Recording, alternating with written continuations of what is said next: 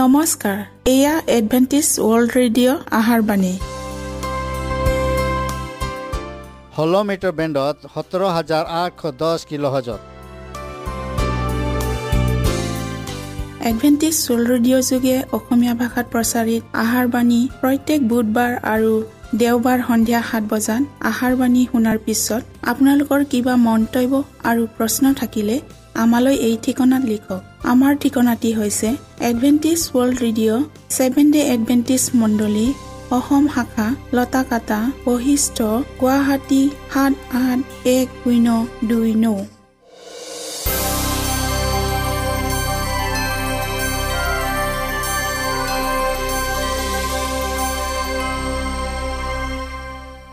প্ৰিয় শ্ৰোতা বন্ধুসকল এতিয়া শুনো আহক এটি খ্ৰীষ্টীয় ধৰ্মীয় গীত।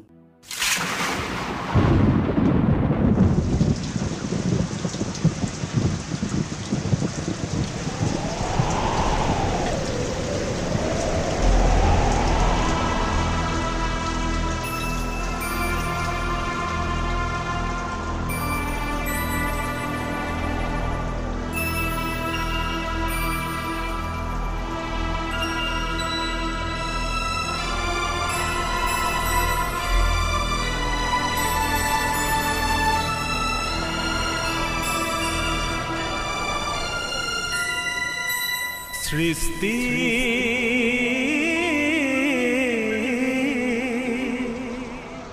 আদিতে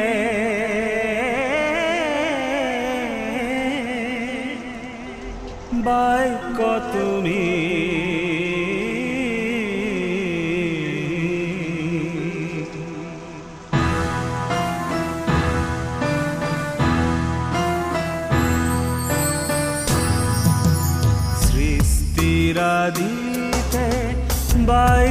তুমি করিলা সৃষ্টি বিশ্ব ব্রহ্মাণ্ড বিশ্ব ব্রহ্মাণ্ড। বাক্য রূপে আসিলা তুমি স্বয়ং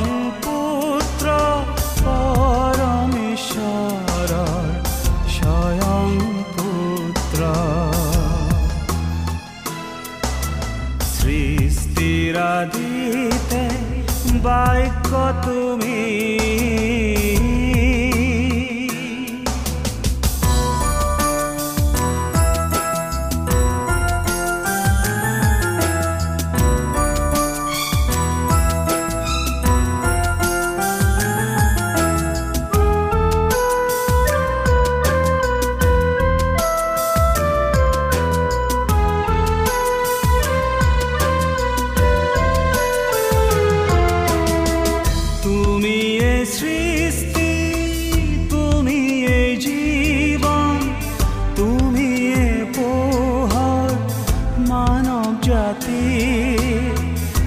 পাপেৰে পূৰ্ণ মানৱ জাতি বৃদ্ধি হ'ল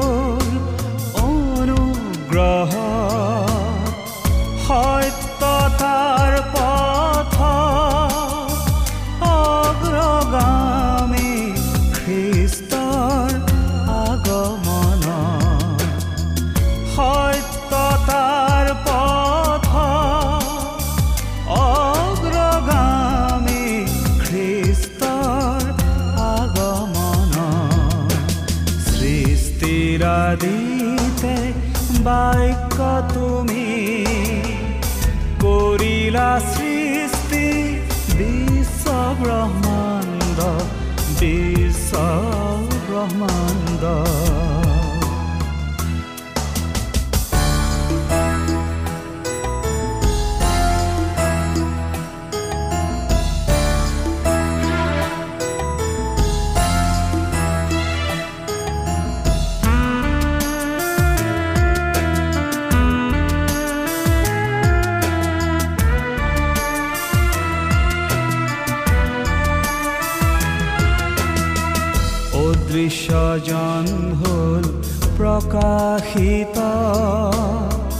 দিবলৈ শান্তি প্ৰেম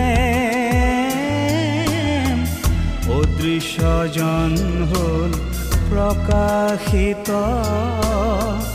দিবলৈ শান্তি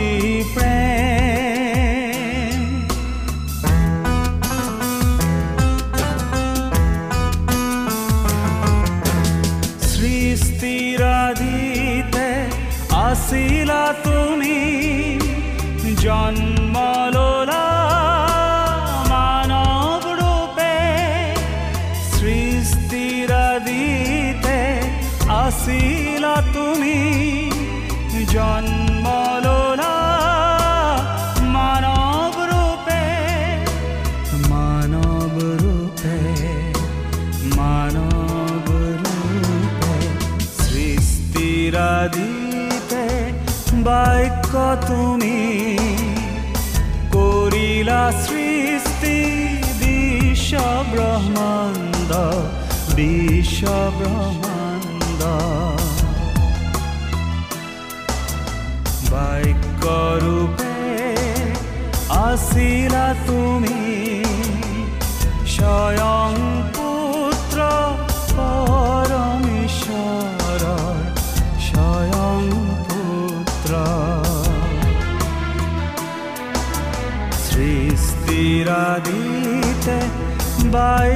তো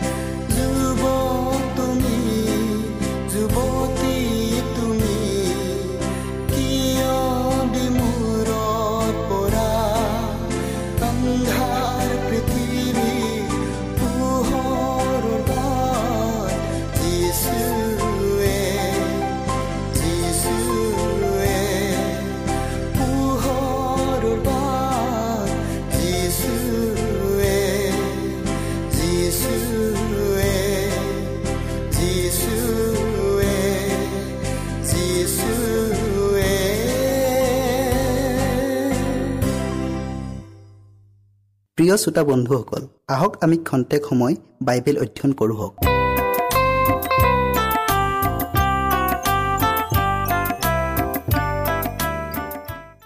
আমাৰ আজিৰ বিষয়টি হ'ল সম্পূৰ্ণ খ্ৰীষ্টানৰ শিক্ষকৰ উপস্থিত হোৱা। বাইবেল পত্তি লোৱা হৈছে ইপিচিয়া তিনি অধ্যায়ৰ বিছ পদ। যি জনাই আমাৰ অন্তৰত কাৰ্য সাধন কৰোঁতা শক্তি অনুসাৰে আমাৰ যাচনাৰ আৰু বুদ্ধিৰ অতি অতিৰিক্ত কৰ্ম কৰিব পাৰে। আমি বিষয়টিৰ আগবঢ়োৱাৰ আগতে প্ৰাৰ্থনা কৰোঁ হওক। হে সৰ্বশক্তিমান প্ৰভু পুনৰাই আজি তোমাৰ বাক্য শুনিবলৈ এই সুযোগ দিলা। তাৰ বাবে তোমাক ধন্যবাদ জনাইছোঁ। প্ৰভু তুমি প্ৰত্যেক শ্ৰোতাৰ সকলোৰ লগত থাকা আৰু তেওঁলোকৰ হৃদয় পবিত্ৰ আত্মাৰ যোগেদি স্পৰ্শ কৰি দিয়া। এই চুটি যাচনা ত্ৰাণকৰ্তা যীশুৰ নামত খুজিলোঁ। আমেন। ঈশ্বৰক যদি আপুনি আপোনাৰ শক্তি কৰি লয় তেন্তে আটাইতকৈ নিৰাশজনক পৰিস্থিতিৰ মাজতো আপুনি এক পূৰ্ণ পৰ্যায়ৰ খ্ৰীষ্টান অৰ্থাৎ পৰিপক্ক খ্ৰীষ্টান হ'ব পাৰিব। যাক লাভ কৰাৰ কথাটোক আপুনি সপোনতো ভাবিব পৰা নাছিল। আপোনাৰ চিন্তাধাৰা উচ্চ কাপৰ হ'ব। আপুনি মহৎ ইচ্ছাকাংক্ষা কৰিব পাৰিব। সত্যতা আৰু কৰ্মময় জীৱনৰ প্ৰকৃত উদ্দেশ্যক আপুনি ভালকৈ আৰু স্পষ্টকৈ উপলব্ধি কৰিব পাৰিব। আৰু এই সকলোবোৰে আপোনাক আপোনাৰ নিজ আৰু হীনমনতাৰ পৰা বহু ওপৰলৈ তুলি নিব। আপুনি যদি এটা সিদ্ধ চৰিত্ৰ লাভ কৰিব বিচাৰে তেন্তে সৎ চিন্তাধাৰা আৰু সৎ কাৰ্য উভয়ৰে প্ৰয়োজন হ'ব। আপুনি যেতিয়া জগতৰ সংস্পৰ্শলৈ আহিব তেতিয়া মানুহৰ পৰা অধিক প্ৰশংসা লোৱাৰ পৰা নিজকে বিৰত কৰি ৰাখিব। আৰু সিহঁতৰ মন্তব্যত কাণ নিদিব আৰু সিহঁতৰ কথাত নচলিব। আপোনাৰ প্ৰেম স্নেহ আদি গুণবোৰক ব্যৱহাৰ কৰক আৰু আপোনাৰ নিসহায় জীৱনটোৰ বাবে খ্ৰীষ্টৰ ওচৰত হাত পাতক। জাগতিকতাৰে ভৰপূৰ পৰিৱেশে আপোনাক আগচি ৰাখিব পাৰে। কিন্তু এনে খেলি মেলি আৰু প্ৰলোভনৰ মাজতো অতি বিনয়ী আৰু নম্ৰতাৰে আপোনাৰ জীৱনৰ স্বাধীনতাখিনিক বজাই ৰাখক। আপুনি যদি নিতৌ ঈশ্বৰৰ লগত সম্বন্ধ ৰাখে তেন্তে মানুহৰ বাবে তেওঁৰ মূল্যৱান কি আৰু পাপত নিৰ্যাতিত মানৱ জাতিটোক আশীৰ্বাদৰ ভাগি কৰা কাৰ্যত আপোনাৰ দায়িত্ব কি তাক আপুনি জানিব পাৰিব। আপুনি আপোনাৰ নিজৰ নহয় আপোনাৰ প্ৰভুৰ আপোনাৰ ওপৰত অধিকাৰ আছে। তেওঁ আপোনাৰ ওপৰত পবিত্ৰ আশা ৰাখিছে আৰু আপোনাৰ জীৱনৰ পৰা অতি উৎকৃষ্ট সেৱা আৰু সৰ্বাধিক প্ৰেম পাবলৈ আশা কৰিছে। নিজৰ মৰ্যাদা আৰু মহিমা প্ৰকাশ কৰিবলৈ আপোনাৰ শৰীৰ আৰু আপোনাৰ জীৱনটোক আপোনাৰ পাৰদৰ্শিতা অনুযায়ী ব্যৱহাৰ কৰিবলৈ তেওঁৰ অধিকাৰ আছে। আপোনাৰ ওপৰত যি ধৰণেৰে দায়িত্ব নপৰক কিয় আপুনি সেইবোৰ আপত্তি নকৰাকৈ গ্ৰহণ কৰিব লাগিব। ঈশ্বৰ নোহোৱা আৰু আশা নোহোৱা অনেক মানুহ এই পৃথিৱীত আছে। সিহঁত অপৰাধ দুৰ্নীতি আৰু অনেক দুষ্কাৰ্যত লিপ্ত হৈ ছয়তানৰ চতুৰালিৰ ফাণ্ডত বন্দী হৈ আছে। কিন্তু যাৰ বাবে যীশু স্বৰ্গত সিংহাসন এৰি এই জগতলৈ আহিছিল সেইসকল যে ইহঁতে তাক সিহঁতে নাজানিলে। সিহঁত আটাইতকৈ পুতৌৰ পাত্ৰ আৰু ইহঁতক সহানুভূতি দেখুৱাবলৈকে অবিশ্ৰান্ত প্ৰচেষ্টা অব্যাহত ৰখা হৈছে। কাৰণ ইহঁত যে ধ্বংসৰ পথলৈ আগুৱাই গৈ আছে। অতৃপ্ত বাসনা বিশৃংখল অভিলাষত আক্ৰান্ত হৈ সিহঁত নিজৰ বিবেকৰ দ্বাৰাই দোষী সাব্যস্ত হৈছে। ইহঁতে কোনো ভাষাৰে প্ৰকাশ নোৱাৰে। শোচনীয় অৱস্থাত আছে কাৰণ ইহঁতে জীৱনৰ গুৰি বতাহডালকে হেৰুৱাই ল'লে আৰু অনাগত জীৱনৰ বাবে ইহঁতৰ কোনো আশা নাই। কৰ্ম কৰিবলৈ আপোনাৰ সন্মুখত এখন উপযুক্ত কৰ্মক্ষেত্ৰ আছে। আপুনি পৰিশ্ৰমী দূৰদৰ্শী হোৱা উচিত আৰু নিজৰ কামবোৰ আনন্দিত মনেৰে বিশ্বস্ততাৰে আৰু নিয়াৰিকৈ সমাপন কৰি আপোনাক প্ৰভুৰ আহ্বানৰ প্ৰতি উল্লেখনীয়। বাধ্যতা দেখুৱাব পাৰে। মঠি পাঁচ অধ্যায়ৰ আঠচল্লিছ পদ। এই হেতুকে তোমালোকৰ স্বৰ্গীয় পিতৃ যেনে সিদ্ধ তোমালোকো তেনে সিদ্ধ হ'বা। মানৱ প্ৰকৃতিৰ বিষয়ে সকলো কথাকে আমাৰ ত্ৰাণকৰ্তা জনাই বুজি পায় আৰু সেইকাৰণে প্ৰতিজন মানৱ সন্তানকে তেওঁ এইদৰে কৈছে। এই হেতুকে তোমালোকৰ স্বৰ্গীয় পিতৃ যেনে সিদ্ধ তোমালোকো তেনে সিদ্ধ হ'বা। নিজৰ স্থানত ঈশ্বৰ যেনেকৈ সিদ্ধ তেনেকৈ মানুহেও নিজৰ স্থানত সিদ্ধ হ'ব লাগিব। যিসকলৰ কাৰ্যৰ কাৰণে তেওঁ ইমান আশাৰ বাণী কয় কৃষ্টক গ্ৰহণ কৰা সকলো তেওঁবিলাকৰ শাৰীত স্থান পাব লাগিব। যিমান লোকে তেওঁ গ্ৰহণ কৰিলে তেওঁবিলাক সকলোকে ঈশ্বৰৰ পুত্ৰ হ'বলৈ তেওঁ ক্ষমতা দিলে। এনেকি তেওঁৰ নামত যিসকলে বিশ্বাস কৰিলে সেইসকলক ঈশ্বৰৰ পুত্ৰৰ ৰূপ দিয়া হ'ল। আমালৈ এইবোৰ বাক্য ঘোষণা কৰা হৈছে যে আমি এনে এটা উত্তম আৰু উচ্চ পৰ্যায়ৰ চৰিত্ৰৰ অধিকাৰী হৈ সন্তুষ্ট লভা উচিত। যিটো চৰিত্ৰ ঐশ্বৰিক চৰিত্ৰৰ সাঁচত গঢ়া। তাৰ বাহিৰে আন বিষয়ত অধিক মনোযোগ দিয়া অনুচিত। এনেকুৱা এটা চৰিত্ৰৰ যদি অধিকাৰী হ'ব পৰা যায় তেন্তে জীৱন আৰু বিশ্বাস আৰু ধৰ্মৰ শুদ্ধতাবোৰ আনৰ বাবে অনুকৰণীয় আদৰ্শ হৈ পৰে। সকলোৰে মনোযোগ আকৰ্ষণ কৰিবলৈ সক্ষম হয়। কিন্তু যিসকলে নিজৰ ফালৰ পৰা একো চেষ্টা নকৰাকৈ সিহঁতৰ চৰিত্ৰ আকস্মিকভাৱে যাদুৰ দৰে পৰিৱৰ্তন হ'ব বুলি আশা কৰি বাট চাই আছে। সিহঁত নিৰাশাত ভুগিব লাগিব। আমি যিচুলৈ চাই থাকিলে ভয় কৰিবলগীয়া কোনো কাৰণ নাই। সন্দেহ কৰিবলগীয়া কোনো কাৰণ নাথাকে। কিয়নো যিকোনো পৰিস্থিতিৰ পৰা আমাক ৰক্ষা কৰিবলৈ তেওঁ সমৰ্থ।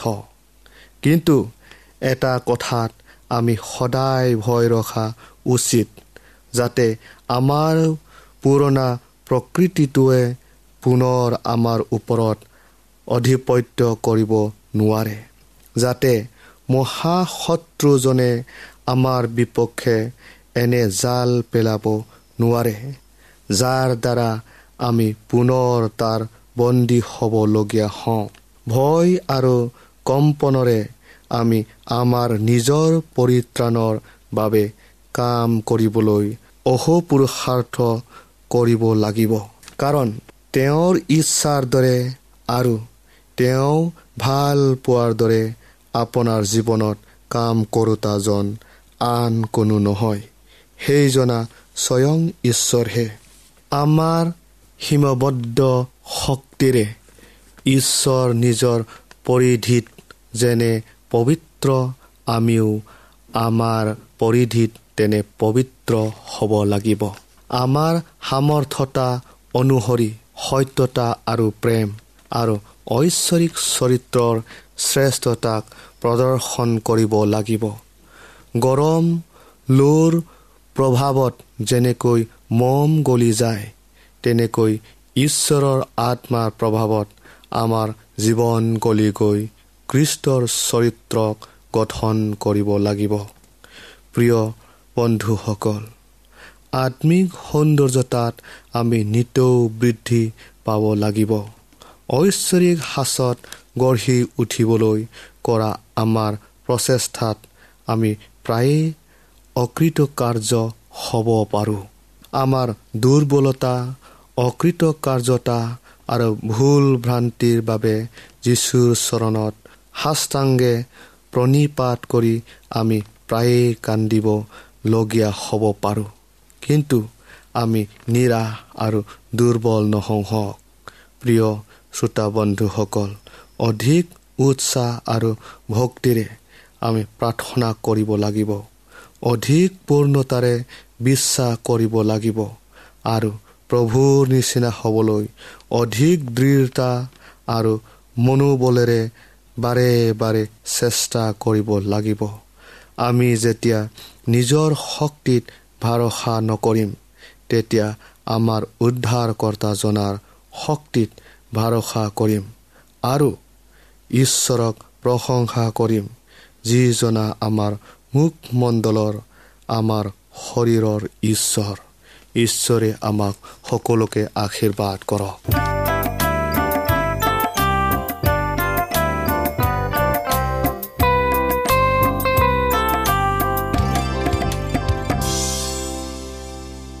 ইমানপুৰে আমি বাইবেল অধ্যয়ন কৰিলোঁ এতিয়া আকৌ শুনো আহক এটি খ্ৰীষ্টীয় ধৰ্মীয় গীত।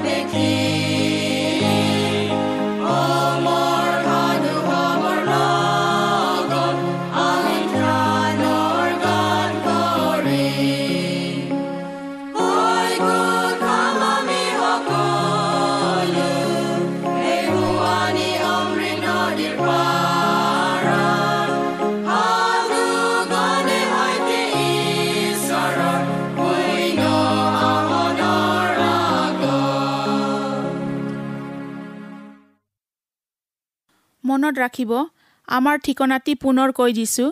Adventist world radio' Assam region of seven day Adventist voice of hope Latakata Basistha Guwahati seven eight one zero' two nine প্ৰিয় শ্ৰোতা বন্ধুসকল এডভেণ্টিজ ৱৰ্ল্ড ৰেডিঅ' যোগে আহাৰবাণী প্ৰচাৰত আপোনালোকক পুনৰ লগ পোৱাৰ আহাৰে আজিলৈ সামৰিলোঁ। ধন্যবাদ।